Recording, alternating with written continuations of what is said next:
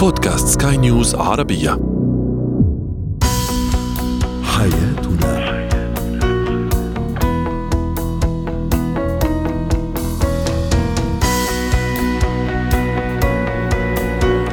مستمعينا الكرام أهلا بكم معنا إلى حياتنا فضاؤكم اليومي الذي يعنى بشؤون الأسرة وباقي الشؤون الحياتية الأخرى والذي يمكنكم الاستماع إليه عبر منصة Sky News Arabia dot com slash podcast وباقي منصات سكاي نيوز العربيه الأخرى. معي أنا أمال شاب نتحدث اليوم عن نوم الزوجين في غرفتين منفصلتين. هل يفيد العلاقة بين الشريكين أم بالعكس يضر هذه العلاقة؟ أيضا في زينة الحياة سنتحدث عن أهم المهارات التي يمكن للطفل أن يتعلمها. من خلال تدوير النفايات في المنزل. وأخيرا اليوم خصصنا فقرة إتيكيت للحديث عن إتيكيت ارتداء الساعة بالنسبة للرجل. هو وهي.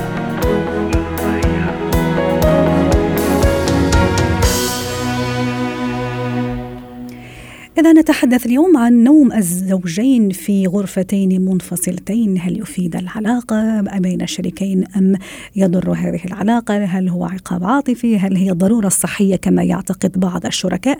كيف يمكن أن نفسر هذا الموضوع للحديث عن آه، موضوعنا اليوم؟ ينضم إلينا عبر الهاتف من جدة دكتور هاني الغامدي المحلل النفسي والمستشار في العلاقات الزوجية. يسعد أوقاتك دكتور هاني. هناك من يقول أنه يفضل أن ينام في غرفة منفصلة.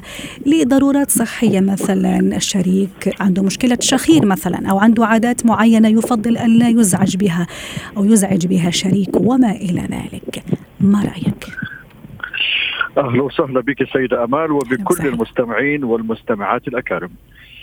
أعوذ بالله من اللي قال الكلام هذا يا آمال؟ إذا كان في مشكلة شخير فإما أتقبل الوضع إلى حد ما وإما إنه أروح إلى المعالجات ويا كثرها موجودة الآن من فضل الله فيما يخص الشخير لو كان. هذا هو المشكل لكن أنا الإشكالية فأن هناك عادة موجودة لدى كثير من الرجال في مختلف الدول للمعلومية بأنه هو يحب يعيش ليلته لو جاز التعبير بطريقة منفصلة هو للمعلومية عشان نكون واقعيين أمال اليوم اللي بيعمل هذه العملة ويفعل هذه الفعلة هو الرجل يترك المرأة أو الزوجة في بيت أو عفوا في غرفة النوم. ويروح هو إلى غرفة أخرى ليقضي ليلته. حقيقه هذا يضرب مفهوم المودة والرحمة في مقتل وأيضا يضرب مفهوم السكن، مفهوم السكن يا سيدتي هو ليس البيت يلي بيحمينا بسقفه،. السكن هو أن أسكن إلى صدرها وتسكن إلى صدري، فهكذا أمور مهمة في موضوع العلاقة الزوجية والمشاعر والأحاسيس ووجودنا مع بعضنا البعض ضمن هذا ضمن هذا المفهوم العام. كيف أنا ممكن أبعد عنها؟ ومع شديد احترامي يا امال أنا مهم. آسف لما سأقوله. إذا كان هناك من رغبة لعلاقة حميمة يعني نعمل العلاقة الحميمة ثم ننتقل إلى غرفة أخرى. أعتقد إنه فيها مهانة كبيرة لمفهوم المودة والرحمة ومفهوم العلاقة الزوجية مفهوم العلاقة الحميمة وبالتالي أمر مكروه بل هو يضرب كل المفاهيم الأساسية في معنى التزاوج ومعنى بيت الزوجية وأنا من المحاربين الشداد من سنوات طويلة. أحارب موضوع إنه الرجل يلي يترك زوجته ويروح ينام في غرفة ثانية إذا كان الأمر أنا عندي فلو عندي انفلونزا بعدت عنها يوم بعدت عنها ليلتين بعدت. عني ليلتين ما عندنا مشكلة. لكن إنه يكون نهج أساسي في إنه أنا أروح وأعيش أيامي وليالي ولي- والليالي تبعي في غرفة منفصلة مهم. أعتقد انه إحنا عندنا إشكالية كبيرة في مفهوم ال- الزوج والزوجة وبيت الأسرة. خليني أيضا أواصل الحديث. أنا بالنيابة عن هذا الشريحة اللي تؤيد هذا الموضوع. دامك دكتور هاني حضرتك ترفض وفي أسباب طبعا سنأتي على على ذكرها أو يعني ابتدينا نحكي شو الأسباب. في أيضا بعض الأزواج سواء آه، يعني زوجات أو أزواج وتحديدا الأزواج. مثلا أيضا عندهم عادات شوية سيئة ممكن يتقلب كثير في في الليل في النوم مثلا نومه ممكن خفيف جدا أي حركة ممكن تخليه يستيقظ أو تستيقظ إذا عنده دوام الصباح أو عندها دوام الصباح. هذا ممكن راح يأثر أيضا عليه أو عليها وعلى عمله وعلى تركيزه طوال اليوم. إيش رأيك؟ ابدا غير مقبول. أنا مهم. أتقبل حبيبتي لو كانت تتقلب أتقبل حبيبي لو كان يتقلب ولا أعتقد بان موضوع انه إحنا ممكن نزعج بعض على السرير هو الامر اللي يخليني ممكن اكون في غرفة مختلفة أو هو يكون في غرفة مختلفة. نعم قد يكون هناك بعض الأمور المؤرقة ولكن بحبي لها وحبها لي سنتجاوز هكذا امور.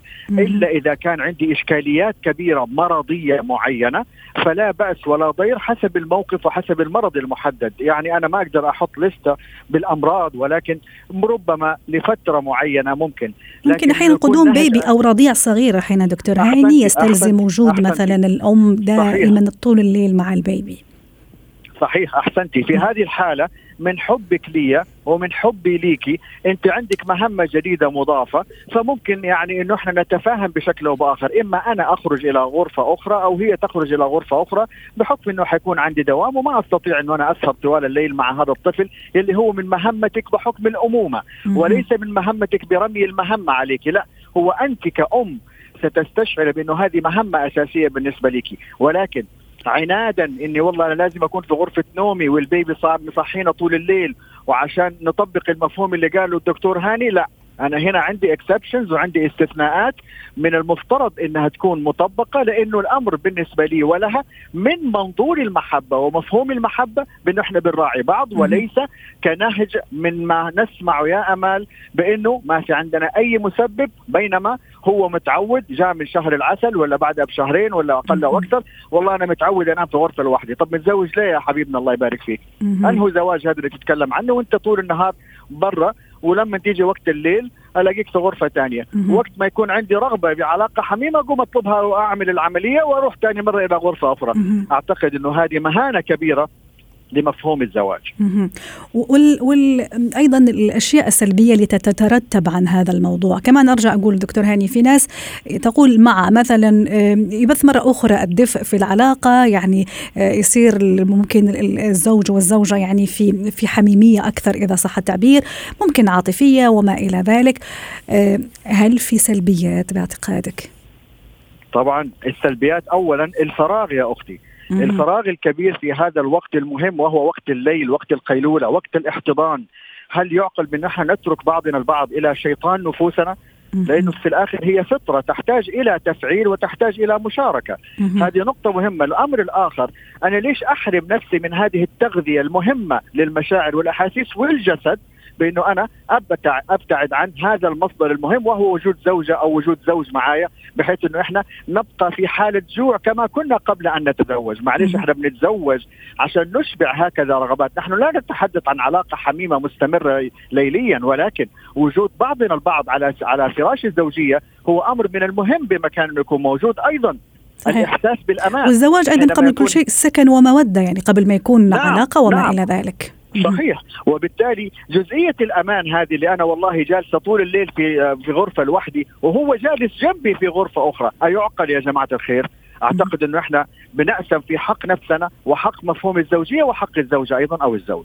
وحتى نختم دك- دكتور هاني ما هي رسالتنا أو نصيحتنا اليوم؟ خاصة آه، يعني ربما اذا إذا الموضوع كان آه، الشباب يعني الشباب الحديثي الزواج أيضا ممكن هم من شريحة لا بأس بها اللي تعاني من هذا الموضوع. والله يا أمال حديكي مفاجأة يا أختي مما يقدم لي من من قضايا للمعلومية الشباب والشباب اللي في بداية ال- ال- ال- الزواج. هم اللي بيقوموا بهذه الفعلة، النصيحة النهائية اللي نختم بها اليوم غذوا بعضكم البعض بهذه المشاعر الجميله الجميلة قبل أن تطلب من خارج الإطار،. بمعنى إنه لو أنا ما لقيت الإشباع عندي سأبحث عنه لأنه هو جزئية مهمة جزئية الاهتمام، الحديث، ال- ال- المودة والرحمة من خلال ال- الكلام اللي يقال من خلال. يا أخي يا أخي ويا أختي ويا ابني ويا بنتي هذه أمور مهمة، إذا عودت نفسك على هذا التجويع والتجفيف لهذه المنابع ستجد نفسك أنت في حالة وسوسة مع شيطان نفسك وأيضا مع شيطان نفسها وقد نخرج عن الإطار من خلال ما قد تسببنا نحن فيه. شكرا لك دكتور هاني الغامدي المحلل النفسي والمستشار في العلاقات الزوجية والأسرية ضيفنا من جدة حياتنا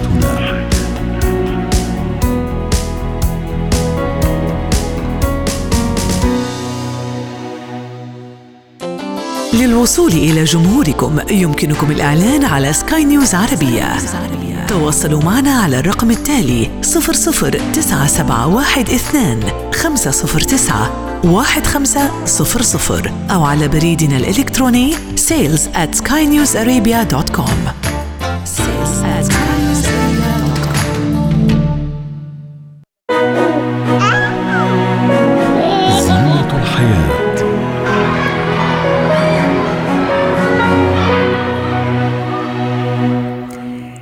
زينة الحياة نتحدث اليوم عن مهارات يمكن للطفل أن يتعلمها أو نعلمها للطفل من خلال تدوير النفايات في المنزل للحديث عن هذا الموضوع. تنضم إلينا عبر الهاتف دكتورة فادية دعاس الخبيرة التربوية. سعد أوقاتك دكتورة فادية.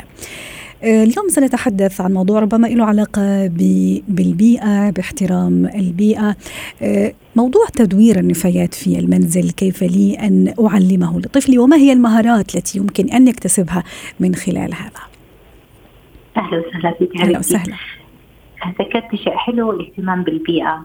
والمهارات هذه الطفل اللي عم بيعملها بتدوير آه، خلينا نقول المستبقيات بلاش نقول النفايات لأن النفايات حنن فيها. الأشياء الموجودة في البيت عنده هذه حتشعره بسعادة كبيرة جدا جدا بجانب كل اللي حيتعلمه في حياته من مهارات لأنه الإنجاز بحد ذاته سعادة بالنسبة له. هلأ أي شيء عنده في البيت هو بيخلصه. خلينا نبدأ بشيء بسيط جدا القلم لما نبري إحنا بنعرف إنه القلم هذا من الشجرة صح؟ صحيح. فأنت عشان تحافظ على هذه البيئة وعلى هذه الشجرة الباقي المتبقى من برايه القلم هذه ممكن تستخدمها في لوحة فنية. ممتاز. بحيث إنه أنت كمان ما حتكبها نفايات حتخليها. شيء ثاني بنعلمه الورق اللي أنت عم تستخدمه في هو كم شجرة فلين دكتورة فادية. هلا شفتي كيف؟ صحيح. هلا أيوه قديش أنت حتبقي على الشجر؟ انه إنه أنت لما تحاول تكون حريص على هذه الأدوات. تسيفت أنت بتعمل بتساعد في إنك آه، تحافظ على البيئة وعلى الكون بشكل عام على بيوت الحيوانات وعلى فانت ما بتساعد شجرة بتساعد بيئة كاملة. فهون هو بحس بقيمته كمان وفعلا للمستقبل بإذن الله. ممتاز. هلأ الورق اللي عم تستخدمه كمان إذا فينا نحكي الورق بستخدمه بطريقة صح مش أي أقل غلطة رح sorry أرمي الورقة. plus إذا كان عندي ورق يعني already مستخدم سواء كان في طباعة أو كتابة إذا ممكن أستخدم الوجه الثاني بعمله note أو نعمل منه شيء اللي إحنا بنسميه ال mache إنه البالون عندي هذا حيخلص بعد فترة البالون حيطلع منه هواء. لا بجيب ال paper بحط عليه شوية glue بلزقه حوالين البالون بصير عندك mask ال mask هذا أنت بتحط عليه تعبير وجهك تعمل اللي بدك إياه animals whatsoever انت productive كمان عملت لعبتك صنعت لعبتك صنعت وربما هذا راح يعزز لدي عفوا الإبداع أو التفكير الإبداعي أيضا آه، دكتورة فادية. يعني إذا من شيء بسيط مثلا أو بقايا أو نفايات آه، أي شيء ممكن. أنا ممكن راح أرميه لكن إذا فعلا آه، فكرت أكيد راح يعني يخلق عنده هذا هذا الجانب الإبداعي. أنت علمتيه الاستدامة أو السستينابيلتي كيف أحافظ على الشيء؟ علمتيه وفتحتي عينه على الإبداع. في شيء مفتاح فيما بعد. وفي كثير مهارات أخرى كيف كمان أكون اقتصادي وكيف أعرف إزاي آه. استخدم الشيء في الوقت الصحيح. كل هذه نقطة جدا مهمة أيضا كيف أكون اقتصادي؟ وكيف أيضا يعني بالي يكون على آه، يعني أو قلبي يكون على الأب والأم إنه أيضا مش دائما أشتري وأشتري ممكن أنا أشتري أوكي لكن ممكن أعيد تدوير أشياء ممكن استفادة من أشياء ممكن آه، استفادة من شيء كان لأخوه الكبير لكن ممكن أنا أستفيد منه أيضا. تماما تماما. حتى هو ملابسه أو ملابسها البنوتة. ممكن إذا صغروا كثير وما في حدا نعطيه هذه الملابس ممكن الدميه اللي عندك. ممكن تعيدي أنت تصنيعها بحيث إنك تصيري أنت مصممة أو فاشينيستا في المستقبل فاهمه كيف؟ فهي الأشياء الصغيرة بتعطيهم هم حرفية. حتى بعد التدوير وإحنا عملناها كثير في مراكز الطفل بعد ما علمناهم أشياء من التدوير بدوا يبيعوها. يعني ممكن كمان كتاجر صغير جميل. انت صنعت. أيوه فعليا بيبدو مثلا لو ممكن حتى يهديها أيضا موضوع إنه يبيعها أيضا يعلموا التفكير الاقتصادي أو التجاري نعم. أو ممكن أيضا نعم. يهديها يعلموا موضوع العطاء.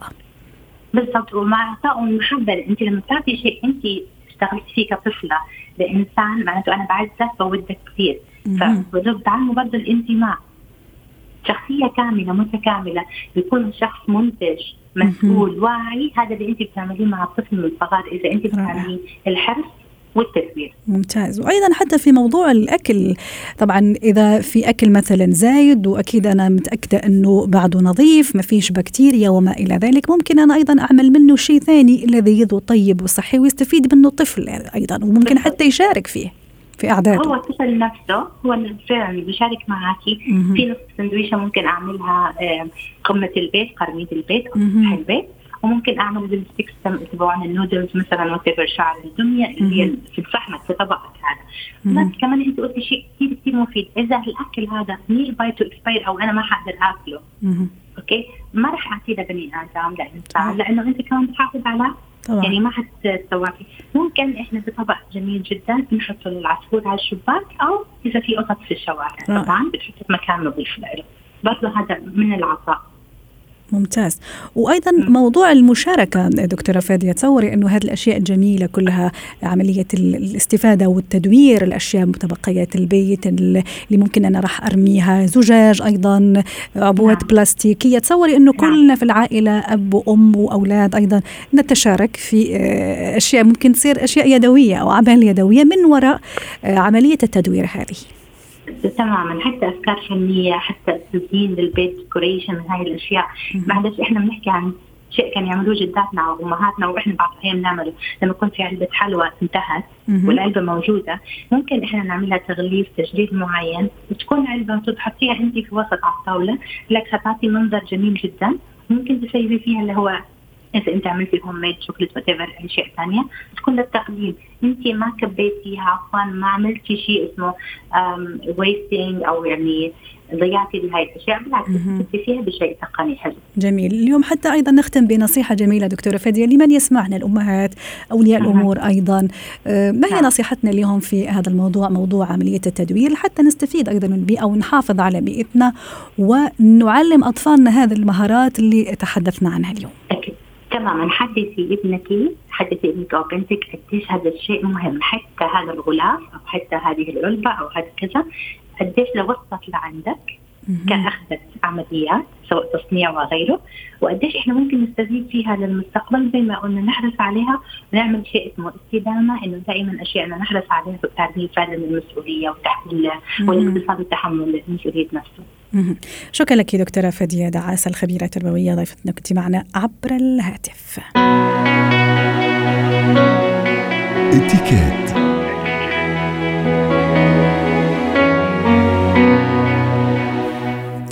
اليوم في اتيكيت سنتحدث أو حديثنا سيكون للرجل. أكيد أي رجل عصري وأنيق يهتم بأناقته ويهتم بطلته أكيد سيهتم بالساعة، الساعة تعتبر من أهم الإكسسوارات سواء بالنسبة للسيدة أو الرجل. لكن الحديث اليوم عن الرجل ما هو اتيكيت وما هو اتيكيت نعم ارتداء الساعة بالنسبة للرجل، للحديث عن هذا الموضوع تنضم إلينا عبر الهاتف من القاهرة سلوى عفيفي خبيرة الاتيكيت يسعد أوقاتك ست سلوى، أكيد في ألوان وأشكال وانواع للساعات الرجالية في المحلات. آه، ما هي وما هو اتيكيت ارتداء الساعة؟ مرحبا أستاذة امال وسهلا. وشكرا على الاستضافة. أهلا طبعا آه، الساعة على فكرة من قطع الإكسسوار أو المجوهرات المهمة جدا حتى للرجل تدل على اهتمامه بتفاصيل مظهره وأيضا تقديره للوقت. يعني هو ماشي أه. وعارف أنا في أي وقت احافظ على مواعيدي. دائما أنا أنا من الناس اللي أقدم الساعة شوية يعني خمس دقائق مثلا. حتى إنه لا لا انخدع يعني. آه أنواع الساعات طبعا آه تعتمد على الملابس أيضا لكي تتماشى مع الملابس. لدينا طبعا الساعة اللي هي الاستخدام اليومي وعاده تكون مثلا من ال stainless steel يعني نوع يكون عملي أكثر. لا تضايقني في الحركة أثناء الشغل أثناء العمل ولا تكون ملفتة للنظر بشكل فظيع يعني. يعني دائما حتى في العمل نقول للموظفين خلينا نقول مثلا آه، موظف استقبال في فندق لا يرتدي ساعة ثمينة لأنه دائما ال guest أو العميل يحب أن يكون أعلى درجة. فهذه ملاحظة أيضا. فإذا هناك النوع طيب وين يرتدي هذا الساعة إذا عنده ساعة ثمينة؟ متى يرتدي هذا الساعة إذا عنده ساعة ثمينة؟ يرتديها في المناسبات الخاصة. يرتديها في المناسبات الرسمية. في حفل معين في عرس في يعني احتفال يليق بهذا. لكل مقام مقال ولكل مقام لباس أيضا. يعني ساعات الثمينة سلوى ما نلبسها في في في مكان العمل؟ مهما كان مكان العمل هذا مثلا أو الناس اللي ممكن أنا ألتقيهم في النهايه أنا أيضا ألبس لنفسي يعني مش للناس. يعني خلينا نقول إنه أه. دائما يعني هذا يمكن نقولها حتى في البزنس اتيكيت إنه الموظف اللي هو يعني حتى يمكن في الفنادق لأنه يتقاضون تip إكراميات. طيب. فمرة حتى يعني أحد الموظفين اشتكى لنا يقول إنه لماذا الجست لا يدفع لنا؟ فحتى المدير قال له قال له أنت لابس ساعة أغلى منه. قال له لا والله هذه copy قال له هو عرفه إنه هو إن هي copy يعني عارفة؟ هذه من الأشياء إنه طبعا الأشياء الثمينة حتى ال diamonds يعني لا نرتديها في العمل. جميل. العمل البساطة.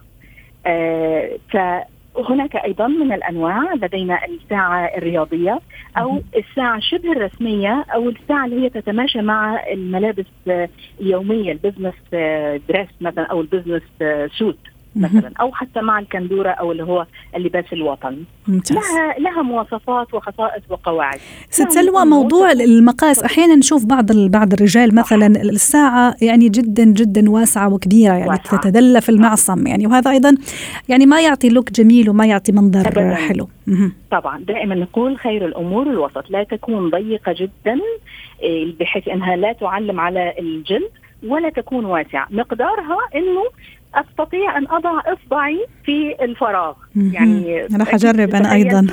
آه جربي. إذا كانت معدن تضعي يدك. إذا كانت من الجلد فيمكنك التحكم في حسب الفتحة الموجودة. جميل. آه ودائما نحرص على إنه تكون دائما ساعة من جودة عالية. لا يعني أنا لا أقول الماركة ولكن تكون على الأقل موثوق بها.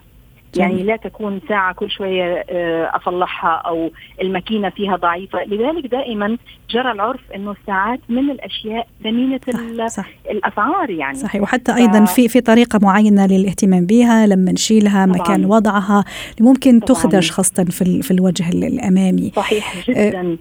ست سلوى أيضا آه، الارتداء راح يكون في الإيد اليمين أو اليسار. نشوف بعض الرجال مثلا يرتدوها في اليمين وبعض في, في اليسار. نعم. شو شو الأصح؟ نعم. الإحصائيات تقول أنه 80 80% من الناس ترتديها في اليد اليسرى.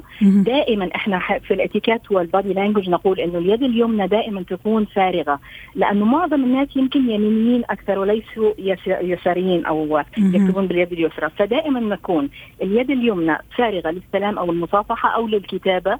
لا تخدش لا تكون معيقة للحركة. ومع ذلك هي تكون حرية شخصية بس الأغلبية ترتديها في اليسار.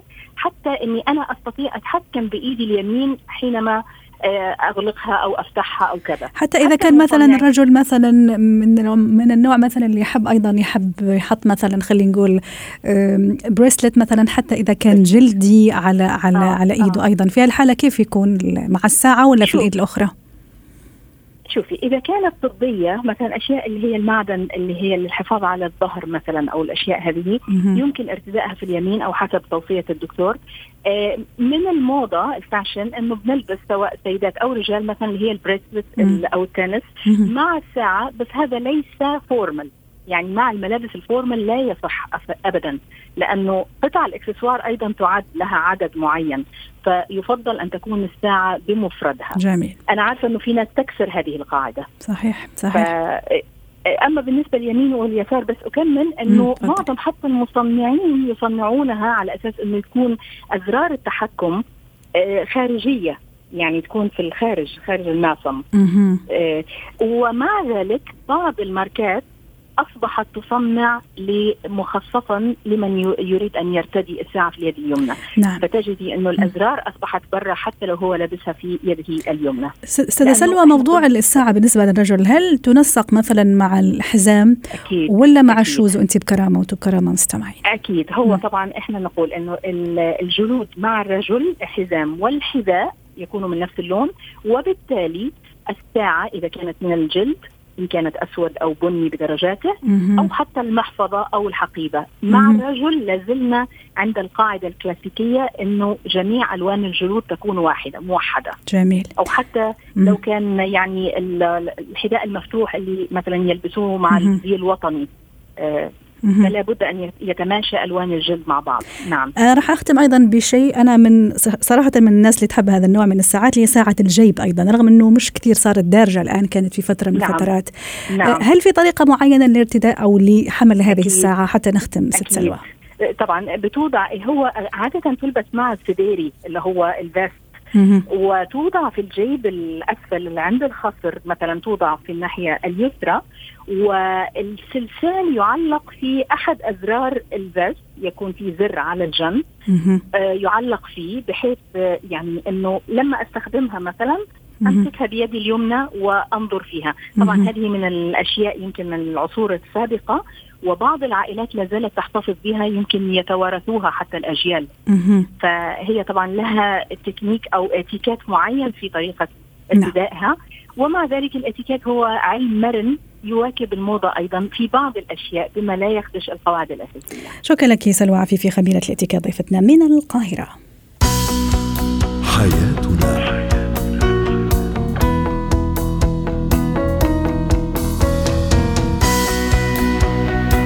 ختام برنامج حياتنا. شكرا لكم وإلى اللقاء.